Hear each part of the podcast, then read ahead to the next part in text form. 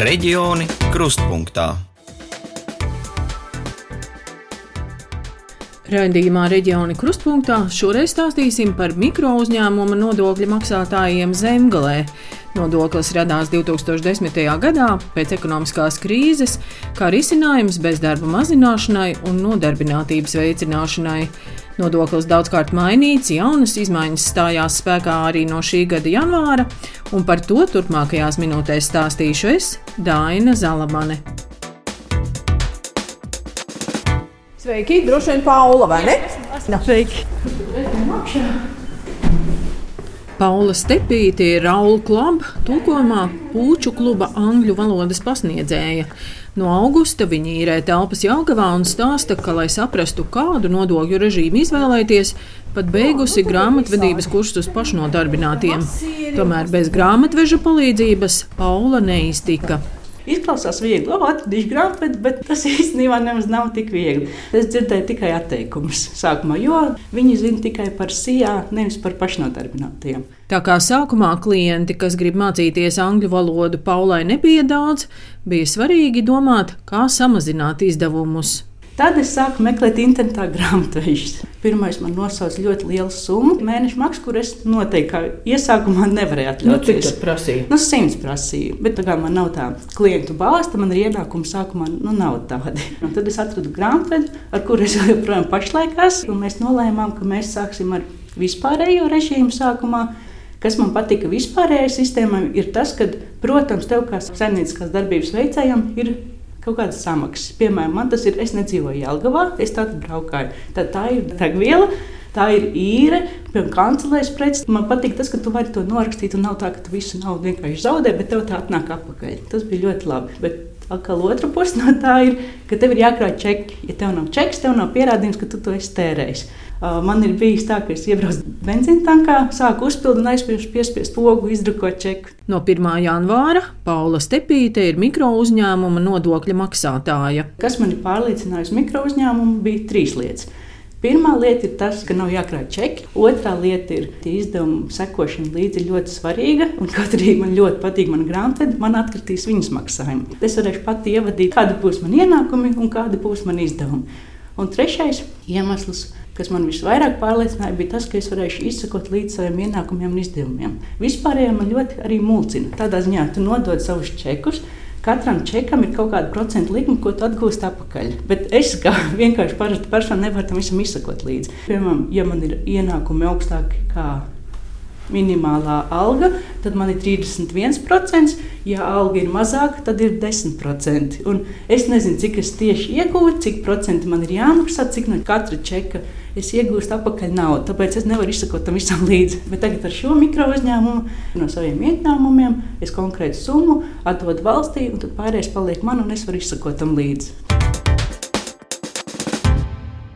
Sveiki, esmu Daina no Radio. Lūdzu, Aļona Irmēja 18 gadus sniedz grāmatvedības pakalpojumus, un viņas birojā mani pārsteidz gleznas, ko viņa zīmējusi. grāmata bija ļoti radoša nozare. Mans ir gan gleznošana, rekur pērlis, trīs gadus glezno ar pērlītēm liku. Saruna turpinām par to, ka pašnodarbinātiem cilvēkiem ir grūti saprast, kādu nodokļu režīmu izvēlēties. To visu situāciju apgrūtināja tad, kad valsts ieņem dienests savas filiāles samazināja skaita ziņā. Piemēram, Dobelē cilvēkiem nav iespējas uz vietas aiziet un pajautāt, es, piemēram, tagad adīšu cimdus, es viņus pārdošu, kādu nodokli man jāmaksā. Pati dzirdēju no cilvēkiem atsauksmes, ka tiklīdz tās nodaļas bija cieta, cilvēki tā kā strupceļā nonāca. Un, piemēram, nemākcējuši pateikt, kā tagad ir, bet, piemēram, vasarā tepat arī Jelgavā valsts ieņem dienas strādāja pēc pieraksta, un pieraksts bija pēc 3, 4, 5 mēnešiem. Ja, un tad cilvēkam ir jāgaida. Ko es esmu secinājusi un redzējusi, ka gados jauni cilvēki mēģina izprast nodokļu sistēmu paši, un tad jau, ja meklē konsultanti, viņi atnāk ar gataviem jautājumiem. Bet, ja tas jau ir uh, cilvēki ap 40, tad nu, viņi paši pat nemēģina izprast to sistēmu, un viņi nāk un meklē palīdzību un konsultāciju. Aļona pati strādā gan SIA, gan maksā mikro uzņēmuma nodokli. Nav jākārto man grāmatvedība, kā pašnodarbinātai personai. Tas ļoti svarīgi. Pa mēnesi es cilvēkiem, kam esmu sniegusi pakalpojumus, izrakstu rēķinu. Viņi man uz rēķina pamata kontā ieskaita naudu. Šim mērķim man ir atvērts atsevišķs bankas konts. Tas nav kopīgs ar personīgiem uh, ienākumiem. Es mēneša beigās paskatos, cik man ienākušas summas. Tos 25% es mēneša beigās aizskaitu valstī, un to starpību aizskaitu uz savu privāto kontu. Viss! Tā ir mana grāmatvedība un godīgi nomaksāt nodokļi. Valsts ieņēmuma dienesta dati liecina, ka pērn mikro uzņēmuma nodokļa režīmu visvairāk izmantoja individuālie pakalpojumu sniedzēji, frizieri un skaistumkopšanas nozares pārstāvji, kurjeri, mežsaimniecībā un mežstrādē nodarbinātie tulki un grāmatveži. Pērn mikrouzņēmumu nodokli Latvijā maksāja 10 832 iedzīvotāji. Lielākā daļa, vairāk nekā 6000, bija Rīgas plānošanas reģionā, Zemgales plānošanas reģionā - 836. Tajos reģionos, kur ir daudz rūpnīcu, tur cilvēki retāk kļūst par eh, pašnodarbinātām personām vai uzņēmējiem. Zemgālē ļoti daudz zemnieku saimniecības, un zemnieku saimniecības neizvēlās šo nodokli. Tā jau ir ražošana, tad viņi izvēlās, ja viņi ir pašnodarbināti, tad viņi izvēlās to otru iedzīvotāju ienākumu nodokli maksāt. No šī gada 1. janvāra mikro uzņēmumu nodoklim ir tikai viena likme - 25%.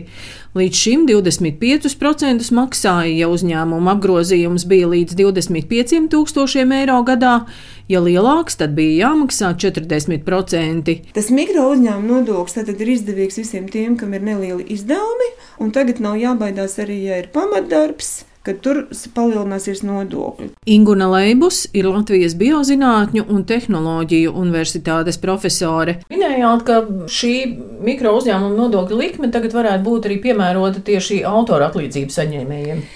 Jā, jo autora atlīdzību saņem cilvēki pārsvarā ar mākslinieckām dotībām, varbūt kas nav tik ļoti iedziļinājušies nodokļu aprēķinos. Un, lai maksimāli vienkāršotu, tad uh, arī šī viena likme dod iespēju autoram, tad viss, kas ienāk kontā, ceturto daļu, jeb 25% pārskaita valsts budžetā.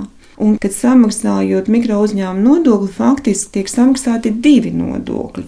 80% no samaksātā mikro uzņēmuma nodokļa aiziet kā cilvēka sociālā apdrošināšana. Tad viņam gan stāsts krāsies, gan maternitātes un slimības apdrošinājumam, gan arī pensiju apdrošinājumam. Mikro uzņēmuma nodokļa gadījumā, jo vairāk samaksā mikro uzņēmuma nodokli, jo labāk ir sociāla apdrošināšana. Ilze Ziediņa pirms trīs gadiem sāka audzēt lavandas aizkrauklas novada vietā uz pagastā. Ilze no lavandām gan gatavo eļļu, gan tās pievieno dzērienam. Tāda sajūta, ka mazliet pēc, pēc lavandām ir, vai ne? Jā, bet, eh, ja godīgi, lavandas eh, hidrolāts nav pats patīkamākais. Patīkamākais šajā visā ir lavanda ētriskā eļļa. Tā, te jau ir maisiņā, un tas maisiņš ir domāts kam? Vienkārši lai smaržas. Tas ir vienkārši smaržas maisiņš. Eh, jā, pasmaržo. Jā, tur ir ar visiem zivīm. Bet smarža ir ļoti, jā, izteikta. ļoti intensīva. Jā. Ir doma tāda, ka varētu taisīt spilvenus. Bet tādā nevajag, nevar pārāk daudz tos uh, lavandas ziedus likt, lai uh, nesareibinātu, jo citiem galva sāp no viņa. Ar Ilzi tiekos viņas pamata darba vietā, jo lavandu audzēšana vismaz pagaidām nenes ienākumus visu gadu. Tagad Ilzes uzņēmums ir SIA, bet sākumā viņa maksāja mikro uzņēmuma nodokli 15% apmērā. Viss sistēmā Ik pēc ceturkšņa ir jādod atskaites. Tāpat arī mēs sākumā ar kvītīm darbojāmies vairāk nekā ar norēķiniem kontā. Tad eh, būtībā arī kvītis mums bija katru ceturksni jāreģistrē. Tad bija jāveido gada pārskats. Un tad uh, deklarācija jānodod. Tas bija sarežģīti. Tik daudz es izdarīt varēju pati. Vēl viena būtiska lieta bija tā, ka es nevarēju būt darba ņēmējs nekur citur. Ja fiziska persona zemnieciskā darbība veicēja ir iegūsi tiesības maksāt mikro uzņēmumu nodokli, tad uh, tu kļūsti par mikro uzņēmumu īpašnieku. Un līdz ar to tu, tev ir darba grāmatiņa šeit, bet tu, tu nevari būt eh, darba ņēmējs, tā kā savu grāmatiņu ielikt citā uzņēmumā. Šis bija viens no iemesliem, kāpēc mēs vēlējāmies atteikties, es, jo es atradu ļoti labu darbu, lai es varu šo mazo uzņēmumu tā kā barot, tā varētu teikt, papildināt un izmantot visus savus līdzekļus tur. No šī gada gan šī norma ir labota, un pašnodarbinātie, kas apvieno savu mazo biznesu ar algotu darbu, var iesniegt darba vietā algas nodokļa grāmatiņas, nezaudējot atvieglojumus par apgādībā esošām personām un neapliekamo minimumu. Pēc valsts ieņēmuma dienesta datiem visvairāk mikro uzņēmumu nodokļu maksātāji Latvijā bija 2016. gadā - vairāk nekā 56 tūkstoši, pēc tam skaits pakāpeniski samazinājās, pērn šo nodokļu režīmu izvēlējās gandrīz 11 tūkstoši pašnodarbināto. Saimnes deputāts Artūrs Butāns no Nacionālās apvienības uzskata, ka nodokļu likmei vajadzēja būt mazākai Jo būtībā mēs redzam, ka to mikro uzņēmumu nodokļu maksātāju skaits ir pēdējos gados sarucis. Līdz ar to, mūsuprāt, 18 vai, vai kaut vai 20% domāju, būtu bijis normāls kompromiss, kur mēs būtu piekrituši, bet nu, redzam, ka šobrīd tas 25% slieksnis vairāk skubina cilvēks atteikties no šī režīma un visticamāk ietēna ekonomikā vai pat pārtraukt savu saimniecisko darbību. Un vēl jāņem vērā arī tas, ko Finanšu ministrija teica, ka bijuši gadījumi, ka kāds nelietprātīgi ir izmantojis šo režīmu. Es domāju, tos gadījumus tad var atlasīt, var minēt nozars, kurās nedrīkst būt šīs mikro režīms.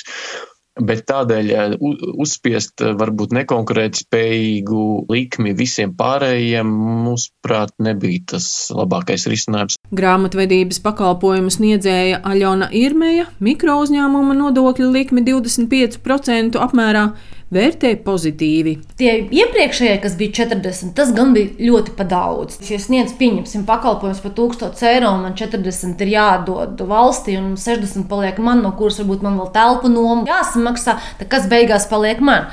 Tad tie 25, es teiktu, protams, gan jau es un pārējie vēlētos zemāku likmi, bet e, man liekas, ka tā likme ir ļoti godīga. Ja, ja salīdzinām, piemēram, Sijā no peļņas maksā ar 25%, un otrkārt, Man patīk, ka no tiem 25% tomēr tie 80% tiek novirzīti sociālajai apdrošināšanai. Latvijā lielo uzņēmumu ir maz. Latvijas uzņēmējdarbības vide sastāv no mikro un maziem uzņēmējiem, un viņiem ir jārada tāda nodokļu sistēma, kuru viņi izprot, un tādējādi viņi arī maksā tos, no tos nodokļus. Bet Latvijas Biozinātņu un tehnoloģiju universitātes profesore Inguna Leibus Kā labu piemēru min Igauniju. Es uzskatu, ka Igauni ļoti gudri rīkojās, ilgi domāja, kā ievies šo nodokli. Un tad, kad viņi beidzot uz to aizgāja, tad viņi uzreiz ievies 20% likmi. To var maksāt tikai tāds pašnodarbinātais, kas uh, sniedz savu pakalpojumu fiziskām personām. Bet, ja tāds mikronodokļu maksātājs sniedz pakalpojumu uzņēmumam, tad uzņēmums papildus maksā nodokli 20%.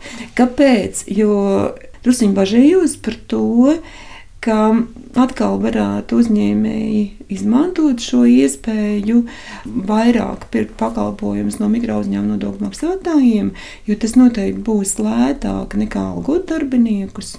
Tā ir problēma visā Eiropā un vēl plašāk. Tam pat ir termins viltus uh, pašnodarbinātība, kad faktiski darba attiecības tiek aizvietotas ar pašnodarbināto. Mikro uzņēmuma nodoklis vairāk ir piemērots tiem, kas sniedz pakalpojumus, jeb tiem, kam ir mazi izdevumi.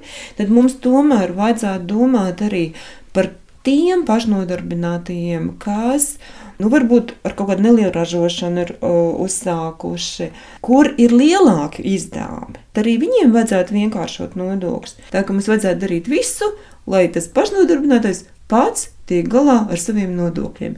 Jo vienkāršāk ir nodokļi, jo cilvēki viņus labprātāk maksā. Jā, un viņš var mierīgi gulēt un domāt par savu biznesu, jā, bet nedomāt, kā paslēpt nodokļus, piemēram. Jā. Skaidrs, ka valstī ir nepieciešami vienkārši nodokļu maksāšanas režīmi, lai pašnodarbinātie mājražotāji un amatnieki, kuru ienākumi nav lieli, varētu samaksāt nodokļus vienkārši un ērti, nealgojot grāmatvežus. Bet no valsts ieņēmuma dienesta mikro uzņēmumu pārstāvi gaida, ka katra kļūda netiks uzskatīta par krāpšanu. Raidījumu reģionu krustpunktā veidoja Daina Zalamane un skaņu operators Inns Salmiņš, bet nākamnedēļ Madara Bērtiņa Latgales reģionā pētīs valsts pašvaldību un citu pakalpojumu pieejamību attālākos reģionos, vai iedzīvotājiem mazpilsētā ir pieejami ikdienas dzīvē nepieciešamie pakalpojumi. Reģioni krustpunktā.